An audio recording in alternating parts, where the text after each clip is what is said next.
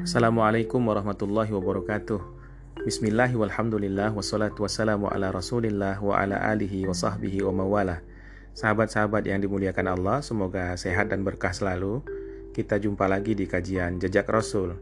Kali ini sudah di seri yang ke-18 Sebelumnya kita sudah sampai pada pembahasan tentang reaksi kaum Quraisy terhadap dakwah Nabi yang meskipun belum diproklamirkan secara terbuka, tapi sudah mulai mendapatkan pengikut dari banyak pihak.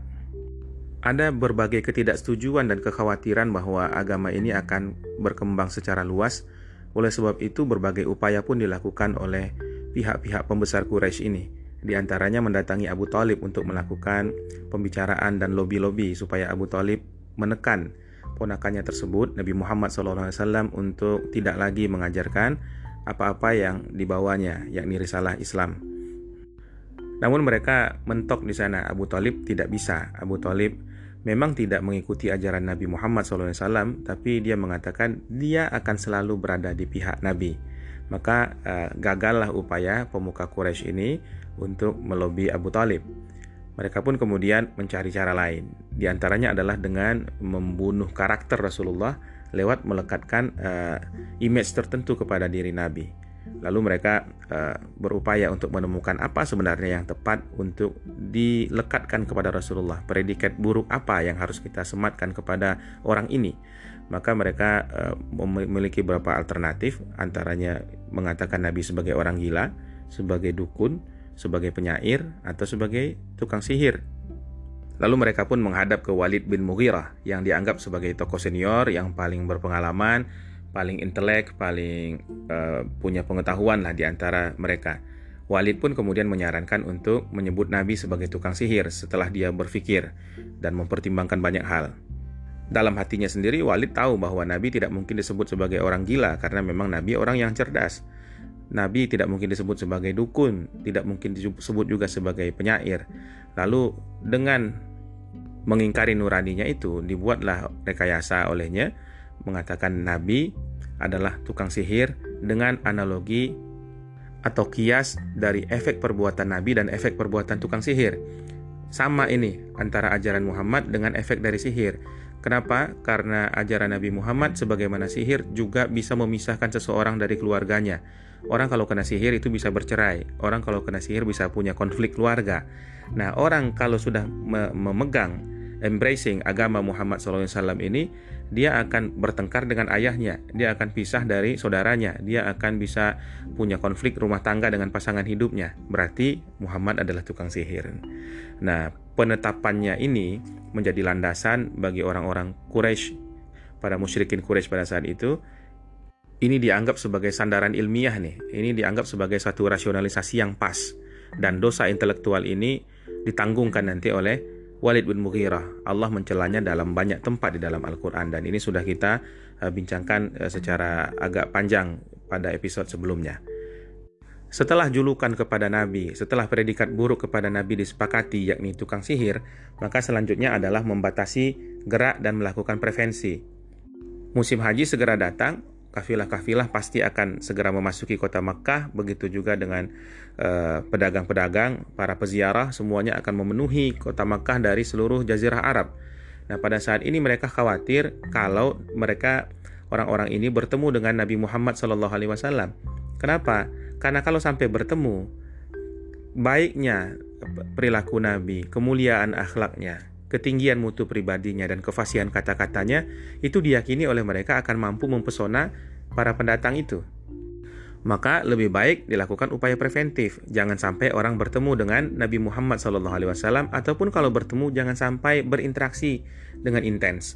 Maka ditempatkanlah orang di uh, penjuru kota Mekah di pintu-pintu masuk. Orang-orang ini tugasnya berjaga dan setiap ada orang baru yang datang ke Mekah atau orang asing yang datang ke Mekah, para musafir-musafir itu diperingatkan bahwa nanti kalian akan dengar di dalam itu ada orang yang bawa agama baru. Jangan didengerin. Kenapa? Karena satu orang itu yang namanya Muhammad bukanlah representasi resmi dari orang Quraisy. Bahkan kami menentang dia.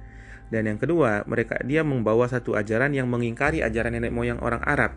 Dan yang ketiga, dia tukang sihir. Maka hati-hati, nanti kalian bisa punya masalah karena uh, mendengarkan perkataannya. trik ini mungkin berhasil tapi pada sisi lain juga malah menjadi bumerang tersendiri.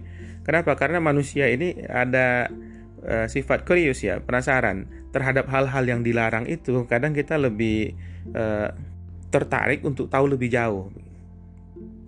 Ini upaya yang dilakukan oleh orang-orang musyrikin Quraisy di kota Makkah. Tapi Allah selalu punya jalan. Kalau dia sudah berkemauan, apa pun di alam semesta ini akan dia paksa untuk mengikuti kemauannya itu. Allah itu kalau dia ingin sesuatu, tidak ada yang bisa menentang. Apalagi yang ingin diturunkan Allah ini adalah risalah untuk umat manusia sampai akhir zaman. Yang diturunkan oleh Allah ini adalah nabi paling mulia di antara semua nabi yang ingin diturunkan Allah ini adalah kitab terakhir yang akan menjadi pegangan bagi seluruh umat manusia. Yang ingin diturunkan Allah ini adalah Islam, rahmatan lil alamin. Maka tidak ada yang bisa menghalang-halangi kehendak Allah Subhanahu wa taala. Allah berfirman, "Yuriduna liyutfi'u nurallahi bi afwahihim wallahu mutimmu nurih walau karihal kafirun." Mereka ingin memadamkan cahaya agama Allah ini dengan perkataan-perkataannya, tapi Allah menyempurnakan cahayanya itu walaupun orang-orang kafir itu benci.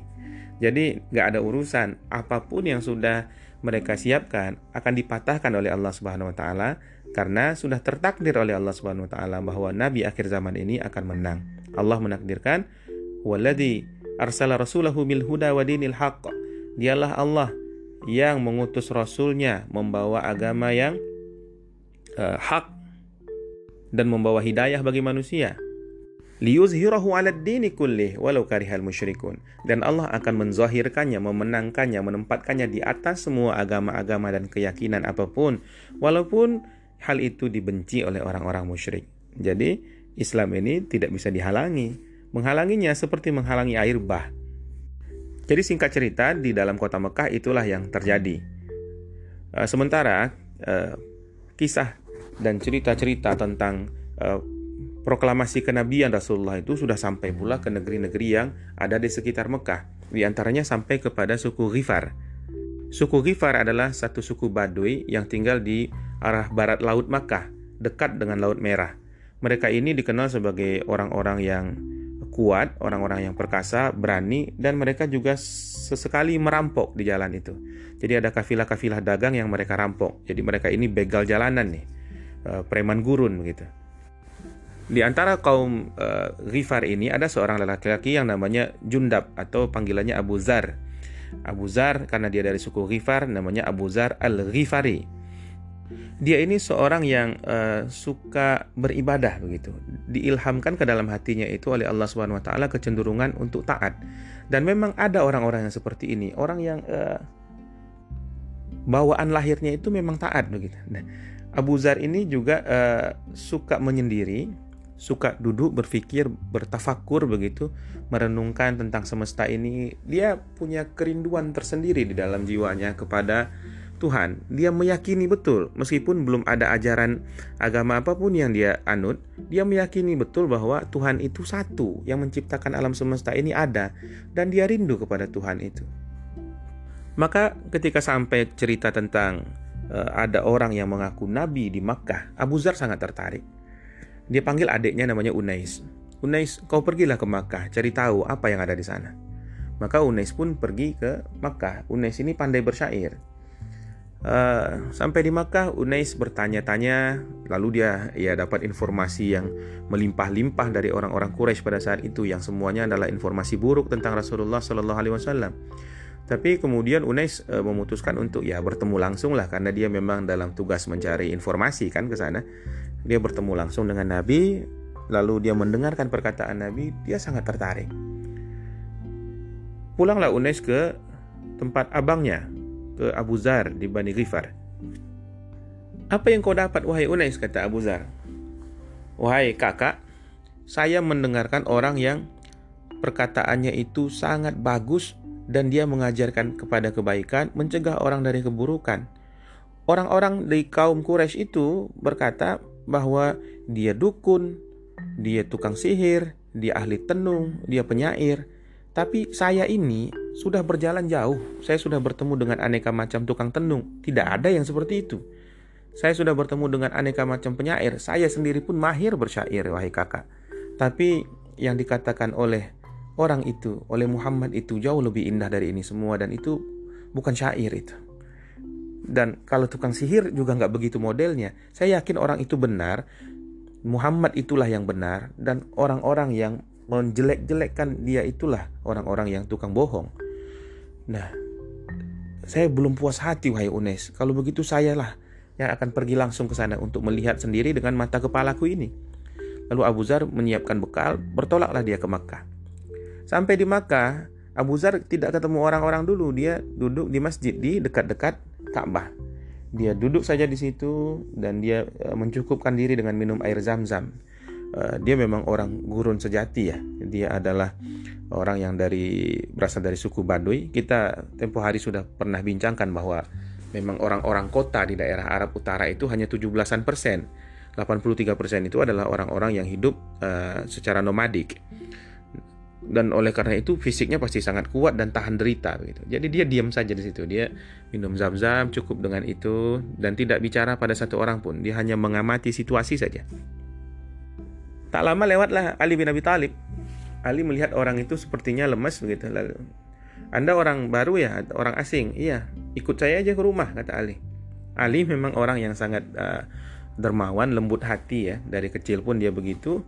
Maka Ali menjamu orang yang tidak dikenalnya ini. Selepas itu Abu Zar balik lagi ke sisi Ka'bah, duduk lagi dekat sana. Uh, pada saat pertemuannya dengan Ali itu tidak bicara apa-apa, hanya jamuan saja. Ali hanya beri makan saja. Ali tidak pernah menyinggung soal Nabi. Uh, Abu Zar pun demikian juga, dia tidak memberitahu kenapa dia sampai di Makkah.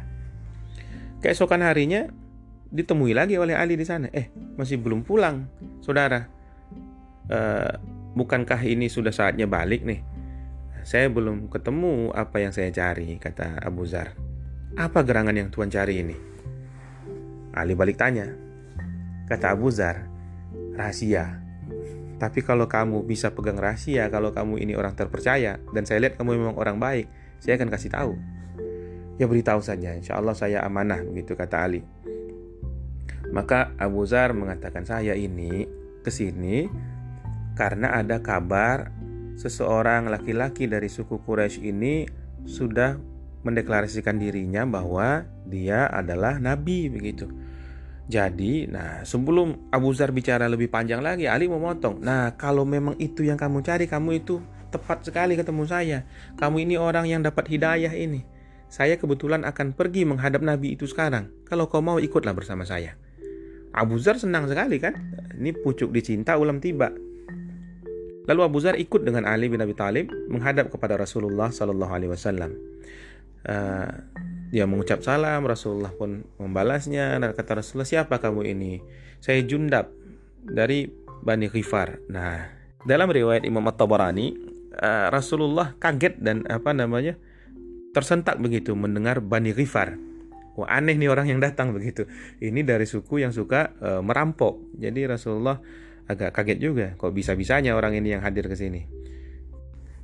Lalu kata Abu Zar lagi, sampaikanlah ajaranmu wahai Nabi, wahai Tuhan. Maka Rasulullah bacakan ayat-ayat Quran kepada Abu Zar dan menjelaskan tentang perihal Islam ini kepada Abu Zar dan pada saat itu juga Abu Zar menyatakan keislamannya. Dia bersyahadat syahadu la ilaha illallah wa syahadu anna Muhammadan anta ya Nabi Rasulullah bukan main senangnya Rasulullah dengan keislaman Abu Zar itu. Rasulullah juga uh, dalam hadis riwayat Imam Hakim wajahnya tampak gembira dan takjub begitu. Nah, Rasul mengatakan innallaha yahdi yasha. Memang Allah itu menunjukkan siapa saja yang dia inginkan. Bayangkan orang-orang Makkah itu para cendikiawannya, para orang-orang pandainya, para orang-orang terhormatnya bisa mendustakan dakwah Nabi. Tapi ini orang dari Bani Ghifar, suku Baduy sana, terkenal pula dengan suku perampok, datang jauh-jauh ke sini menjemput hidayah. Luar biasa. Inilah yang pada pertemuan atau perbincangan kita tempo hari kita sebut sebagai hidayah taufik. Bagaimana Allah memberikan taufik ke dalam hati manusia sehingga manusia itu mampu dengan lapang dada, mampu dengan sukarela menyerahkan dirinya kepada pangkuan ajaran kebenaran yakni al-Islam. Rasul kemudian pesankan kepada Abu Zar, uh, urusan ini engkau rahasiakan dulu sajalah. Tapi baliklah ke kaummu dulu, kemudian di sana uh, engkau nanti kalau nanti ada kabar kemenangan dari kami, kamu datang lagi. Cuma Abu Zar orangnya itu sangat jujur dan terbuka, khas orang-orang Baduy. Dia ini tidak punya kepura-puraan di dalam hatinya. Dia adalah orang yang sangat jujur dan ekspresif begitu. Apa yang ada di dalam hati itulah yang dikeluarkan. Makanya Eh, kata Rasulullah SAW tentang Abu Zar ini diriwayatkan oleh Imam Tirmizi dan Ibnu Hibban dan juga Imam Hakim ma'azalatil khadra wal aqallatil ghabra min rajulin asdaqa lahjatan min Abi Zar shibhu Isa bin Maryam tidak pernah langit ini menaungi dan tidak pernah bumi ini memikul orang yang memiliki gaya bicara yang lebih tulus dan lebih jujur serta lebih setia dari Abu Zar. Nah, dia itu mirip seperti Isa putra Maryam alaihissalam. Jadi kejujuran dan keapa adaannya Nabi uh, Abu Zar ini mirip seperti karakternya Nabi Isa alaihissalam. Di kesempatan lain lagi dalam hadis riwayat Abu Ya'la dan riwayat Ibnu Hibban, Rasulullah uh, berkata juga, "Man sarahu ayyanzura ila tawadu'i Isa bin Maryam, falyanzur ila Abi Dzar." Siapa yang senang atau siapa yang mau melihat sifat tawaduknya Isa putra Maryam, nah coba lihat itu pada Abu Zar. Jadi Abu Zar ini orang terbuka, tulus, jujur, dan tawadu. Itu sifatnya. Ekspresi dari rasa senangnya menemukan hidayah yang sudah dia cari dan dia rindukan dari lama itu dia uh, keluarkan di dekat Ka'bah. Di sana Abu Zar berteriak-teriak, "Wahai orang Quraisy, aku ini bersaksi tidak ada Tuhan selain Allah. Aku bersaksi Muhammad adalah hambanya dan utusannya." Orang Quraisy marah lalu dikatakan serang Sobi itu. Sobi itu adalah orang yang melenceng dari ajaran nenek moyang. Lalu Abu Zar dipukuli sampai pingsan. Lalu Abbas menyelamatkan. Esok harinya diulang lagi oleh Abu Abu Zar, lalu kemudian dia dipukuli lagi sampai bonyok lagi, lalu diselamatkan lagi oleh Abbas. Lalu Abbas katakan kepada orang-orang yang memukuli dan mengeroyok Abu Zar itu, kalian coba pikir, ini orang Bani Ghifar, kalau dia mati, Kalian ingat kafilah dagang kalian itu lewat kampung mereka, dirampok kalian, habis kalian dibegal gitu. Maka orang-orang pun takut, oh orang Bani Gifar ternyata nggak boleh macam-macam kita, maka dilepaskanlah Abu Zar. Abu Zar kemudian memang balik ke kampungnya, ke, ke perkampungannya, lalu di sana dia uh, dakwah. Unais adiknya pun masuk Islam, sangat yakin dengan ke, ke, kebenaran ajaran Rasulullah SAW dan mereka berdua ini uh, mengajak Bani Ghifar ini untuk masuk Islam sampai setengah dari Bani Ghifar itu masuk Islam. Di kemudian hari ketika Rasulullah sudah hijrah ke Madinah, setengah sisanya lagi masuk Islam juga sampai Bani Ghifar ini nyaris 100 persennya jadi muslim. Melihat Bani Ghifar nantinya itu masuk Islam, orang-orang Aslam pun yang masih kerabat dari uh, kabilah Ghifar ini masuk Islam juga Maka Rasulullah mendoakan kelompok-kelompok ini. Kata Rasulullah, Ghifar, ghafarallahu laha. Orang Ghifar, kata Nabi dalam hadis riwayat Muslim, semoga Allah ampuni mereka semua. Wa aslam dan orang aslam saudara Bani Ghifar itu salamahallah mudah-mudahan suku itu selalu dibuat Allah menjadi tentram dan damai. Nah inilah barokah dari Abu Zar. Selain Abu Zar radhiyallahu anhu, ada lagi orang lain yang juga datang dari luar Makkah dan kemudian terefek oleh dakwah Rasulullah SAW. Jadi seorang bernama Tufail, Tufail bin Amr ad-Dausi. Dia adalah orang dari suku Daus. Nah, Daus itu marga ya, marga dari suku Azad. Jadi dia adalah Tufail bin Amr dari marga Daus dari suku Azad. Uh, mereka ini berdomisili di daerah barat Makkah. Dia adalah seorang yang sangat intelek, orang cerdas, terkenal sebagai tokoh dan juga penyair yang hebat. Nah, Tufail datang ke Makkah. Lalu disambut oleh orang-orang Quraisy pada saat itu, "Ya Tufail, engkau ini orang terhormat, orang ini or, engkau ini penyair, orang terpelajar. Tapi kami lagi ada masalah ini dengan salah seorang laki-laki dari suku kami. Dia bikin susah di sini. Dia memecah belah kelompok kami, mencerai beraikan urusan kami ajarannya itu sudah membuat kami berselisih antar keluarga ini jadi saling gak enak sekarang suami istri ada yang banyak bertengkar sekarang jadi kami khawatir kalau kamu masuk ke sini eh, apa yang kami alami ini juga nanti kamu hadapi begitu maka kalau kamu masuk Mekah ya terserahlah jalankan urusanmu di kota ini selesaikanlah urusanmu hajatmu tapi jangan sekali-kali kamu bicara sama orang yang namanya Muhammad, jangan dengar apa pun dari dia. Dia penyihir. Kata Tufel, wah saya mendengar itu Tufel pun takut. Aku nggak boleh nih bertemu dengan orang itu. Jadi masalah ini. Saking Tufel mendengarkan uh, petuah-petuah dari orang Quraisy itu, maka Tufel ini menyumpal telinganya dengan kapas begitu. Jadi dia tidak ingin sama sekali dengar apa pun dari orang yang namanya Muhammad sampai dia harus sumpal telinganya dengan kapas. Demikian sungguh-sungguhnya Tufel ingin menghindarkan diri dari masalah. Tapi satu pagi Tufel datang ke dekat Ka'bah.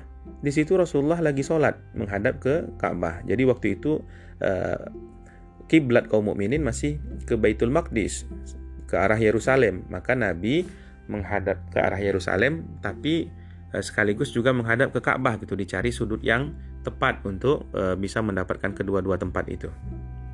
Nabi sholat di situ membaca dengan lirih, tapi Tufel yang berada cukup berjarak dari Nabi, yang memperhatikan Nabi Muhammad SAW sedang sholat itu, bisa mendengar dengan telinganya.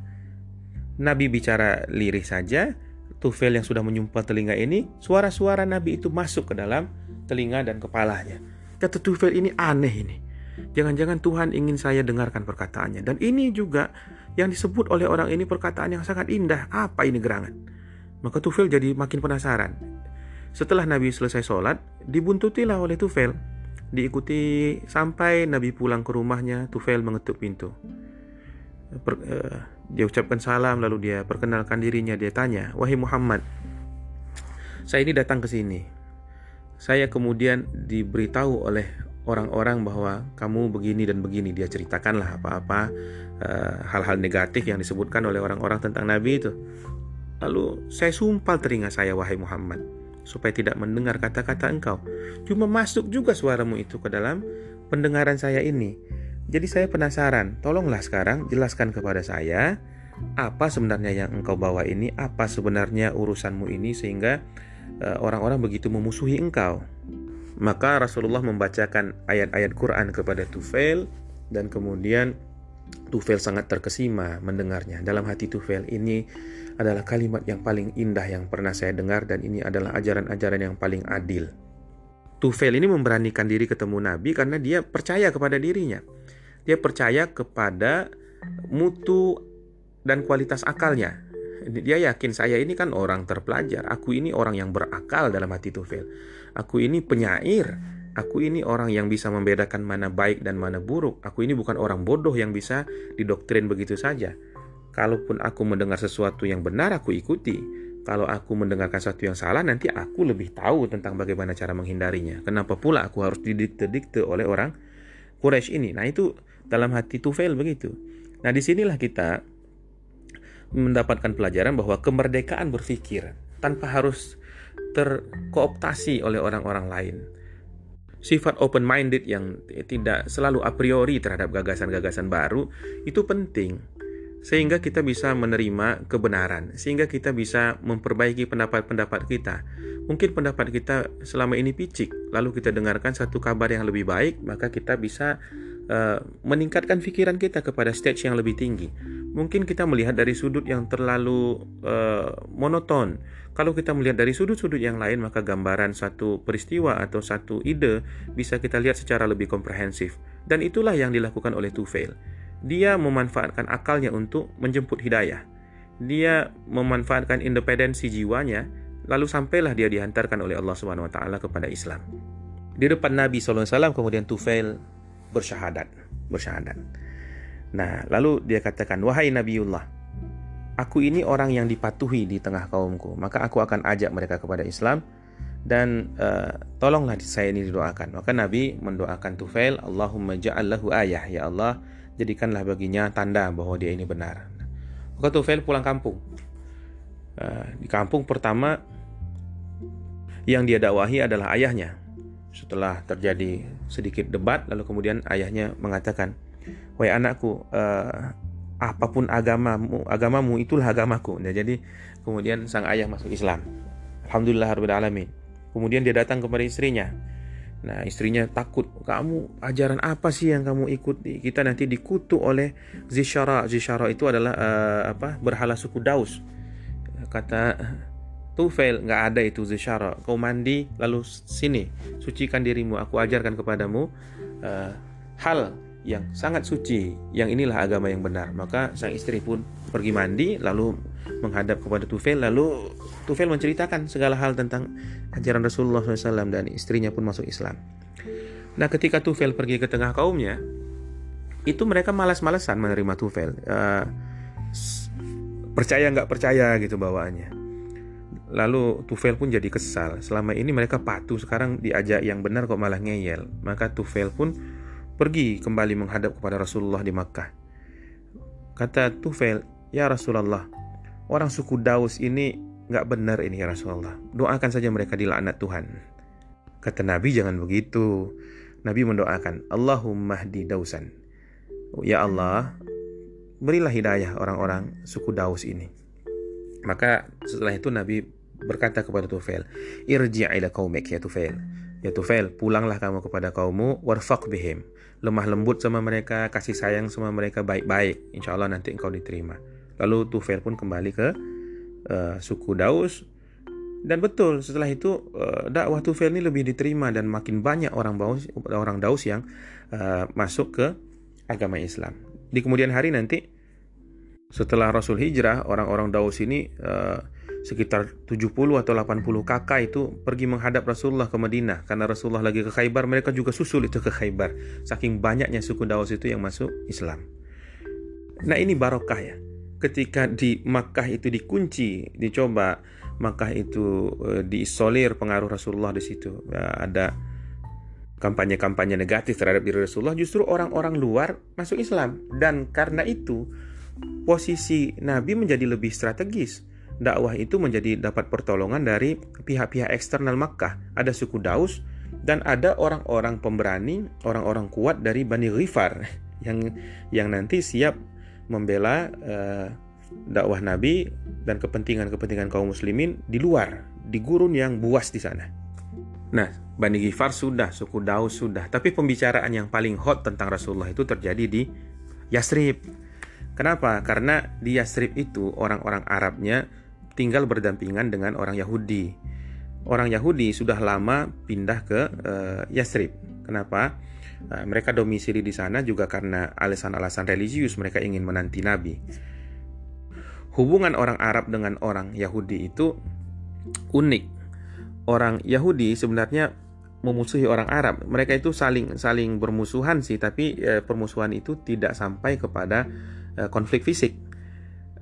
Yahudi itu merasa mereka kaum pilihan Tuhan dan mereka memandang rendah orang-orang Arab itu. Apalagi orang Arab ini politeistik, orang paganis, sedangkan Yahudi itu monoteis, mereka menyembah Tuhan yang satu. Tapi di saat yang sama, orang Arab itu jauh lebih kuat dan jauh lebih banyak, jadi mereka harus sopan-sopan sama orang Arab.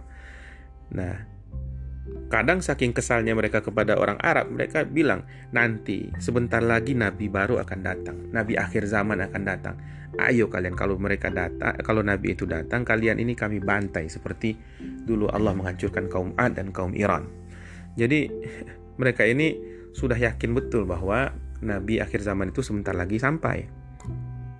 Suku-suku Yahudi yang tinggal di Yasrib ini antara lain Bani Qainuqa, Bani Nadir dan uh, Bani Quraidah mereka ini sebagiannya itu adalah uh, anak keturunannya Nabi Harun alaihissalam orang-orang Arab Yasrib pun karena interaksinya dengan Yahudi jadi sering mendengar ajaran-ajaran Yahudi ini. Ini bukan hal yang asing bagi mereka. Orang Yahudi itu mereka tahu bahwa uh, mengajarkan keesaan Tuhan, mengajarkan tentang tujuan akhir hidup manusia dan yang tidak masuk di akal orang Arab itu pada saat itu adalah uh, ajaran tentang hari kebangkitan. Ini orang mati akan dibangkitkan lagi pada kehidupan kedua. Mereka nggak percaya itu, bagi mereka itu nonsens. Nah, ketika Nabi Muhammad SAW mendeklarasikan kerasulannya di Makkah, orang-orang Yasrib ini pun tahu bahwa ajarannya itu kok sama sama Yahudi-Yahudi ini gitu. Yang paling e, berkesan kuat di kalangan orang Arab maupun orang Yahudi di Yasrib adalah e, kehadiran Ibnul Hayyaban. Eh, Ibnul Hayyaban adalah seorang rahib Yahudi, orang yang e, dikenal zuhud.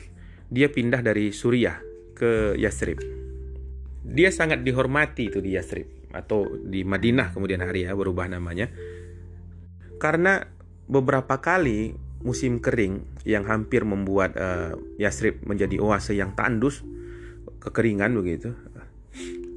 Ibnul Hayaban lah yang menyelamatkan orang-orang ini lewat doa-doanya kepada Allah Subhanahu wa taala. Jadi Ibnul Hayaban ini dikenal sebagai orang yang doanya mustajab. Kalau sudah kering betul, orang akan minta dia berdoa dan ketika dia menadahkan tangannya ke langit, maka hujan pun turun membasahi negeri Yastrib lagi. Nah, karena itu Ibnu Hayaban sangat didengar. Suatu ketika dia kumpulkan anak-anak muda Yahudi, dia ceramahi mereka. Hei orang-orang Yahudi, Kau tahu kenapa aku ini pindah dari negeri yang penuh dengan roti dan anggur ke negerimu yang uh, tandus ini, ke negeri yang miskin ini? Engkaulah yang lebih tahu, hai Tuhan, kata anak-anak Yahudi ini, kata pemuda-pemuda Yahudi. Aku datang ke negeri ini, kata Ibnul Hayaban, karena aku harapkan seorang nabi akhir zaman uh, itu akan muncul di sini dan saya sudah dapatkan tanda-tanda bahwa itu sebentar lagi. Semoga saja aku ini bisa bertemu dan menjadi pengikutnya apabila dia diutus nanti. Nah, itu kata Ibnul Hayyaban dan ini membekas sekali pada jiwa dan pikiran orang-orang Yahudi di Yasrib ini. Jadi mereka uh, sudah memang bersiap-siap untuk menyambut Nabi akhir zaman itu. Nah, tapi Allah mentakdirkan bahwa Ibnul Hayyaban ini wafat tidak lama setelah Rasulullah uh, menerima wahyu yang pertama. Jadi dia tidak sempat untuk uh, bertemu dengan Rasulullah SAW dan menjadi pengikut Nabi kita yang mulia. Tapi Ibnul Hayyaban yaitu terhitung ahlul kitab lah yang beriman kepada Allah Subhanahu wa taala. Jadi ini ada ada hal yang agak berbeda antara uh, orang Arab dengan orang Yahudi dalam menyikapi kenabiannya. Kalau orang Arab dia menerima nabi sebagai person, ya. Orangnya sih oke, okay. Muhammad itu siapa yang tidak mengakui? Orang Arab dari nasab yang paling terhormat orang yang dermawan, orang yang cerdas, orang yang bijak, orang yang menyelesaikan banyak persoalan masyarakat, orang yang berkasih sayang, orang yang akhlaknya baik, orang yang fasih, semuanya ada pada diri Nabi. Kalaupun ada raja Arab yang mau diangkat dan Nabi nyalon itu pasti menang itu. Jadi mereka sudah tidak tidak apa tidak punya masalah sedikit pun dengan kepribadian Nabi. Yang problematik bagi mereka itu adalah ajarannya. Ini ajaran apa? Kok Tuhan jadi satu? Kenapa ini seperti ajaran orang Yahudi? Kenapa agama-agama nenek moyang itu ditolak gitu. Nah, sementara orang Yahudi mereka sangat familiar dengan ajaran ini dan mereka juga sudah tahu nabi akhir zaman akan datang. Yang jadi problem bagi mereka justru kenapa bukan orang Yahudi? Kenapa ini harus orang Arab? Kan yang terpilih itu ras Yahudi. jadi ini adalah gambaran dari satu narrow mindednya seseorang, eh, yang kedua dari eh, bagaimana kaufinistiknya. Jadi, jadi yang satu tidak mau membuka pikiran, yang satu lagi terlalu punya fanatisme yang berlebihan terhadap suku dan rasnya. Jadi ini memang menghalangi dakwah sampai kapan pun juga orang-orang yang punya mentalitas dua seperti ini terlalu percaya diri dengan ajaran-ajaran lama sehingga tidak mau membuka pikiran terhadap hal baru kemudian terlalu mengagungkan dirinya, menganggap lebih tinggi dari orang lain, menganggap dialah yang aristokrat, dialah yang hebat, dialah darah biru dan sebagainya. Nah, ini penghalang bagi kebenaran. Orang Arab Yastrib itu ada suku Aus, ada suku Khazraj. Masing-masing merasa dekat dengan Nabi. Orang Khazraj tahu bahwa ini adalah anak dari Sayyidah Aminah.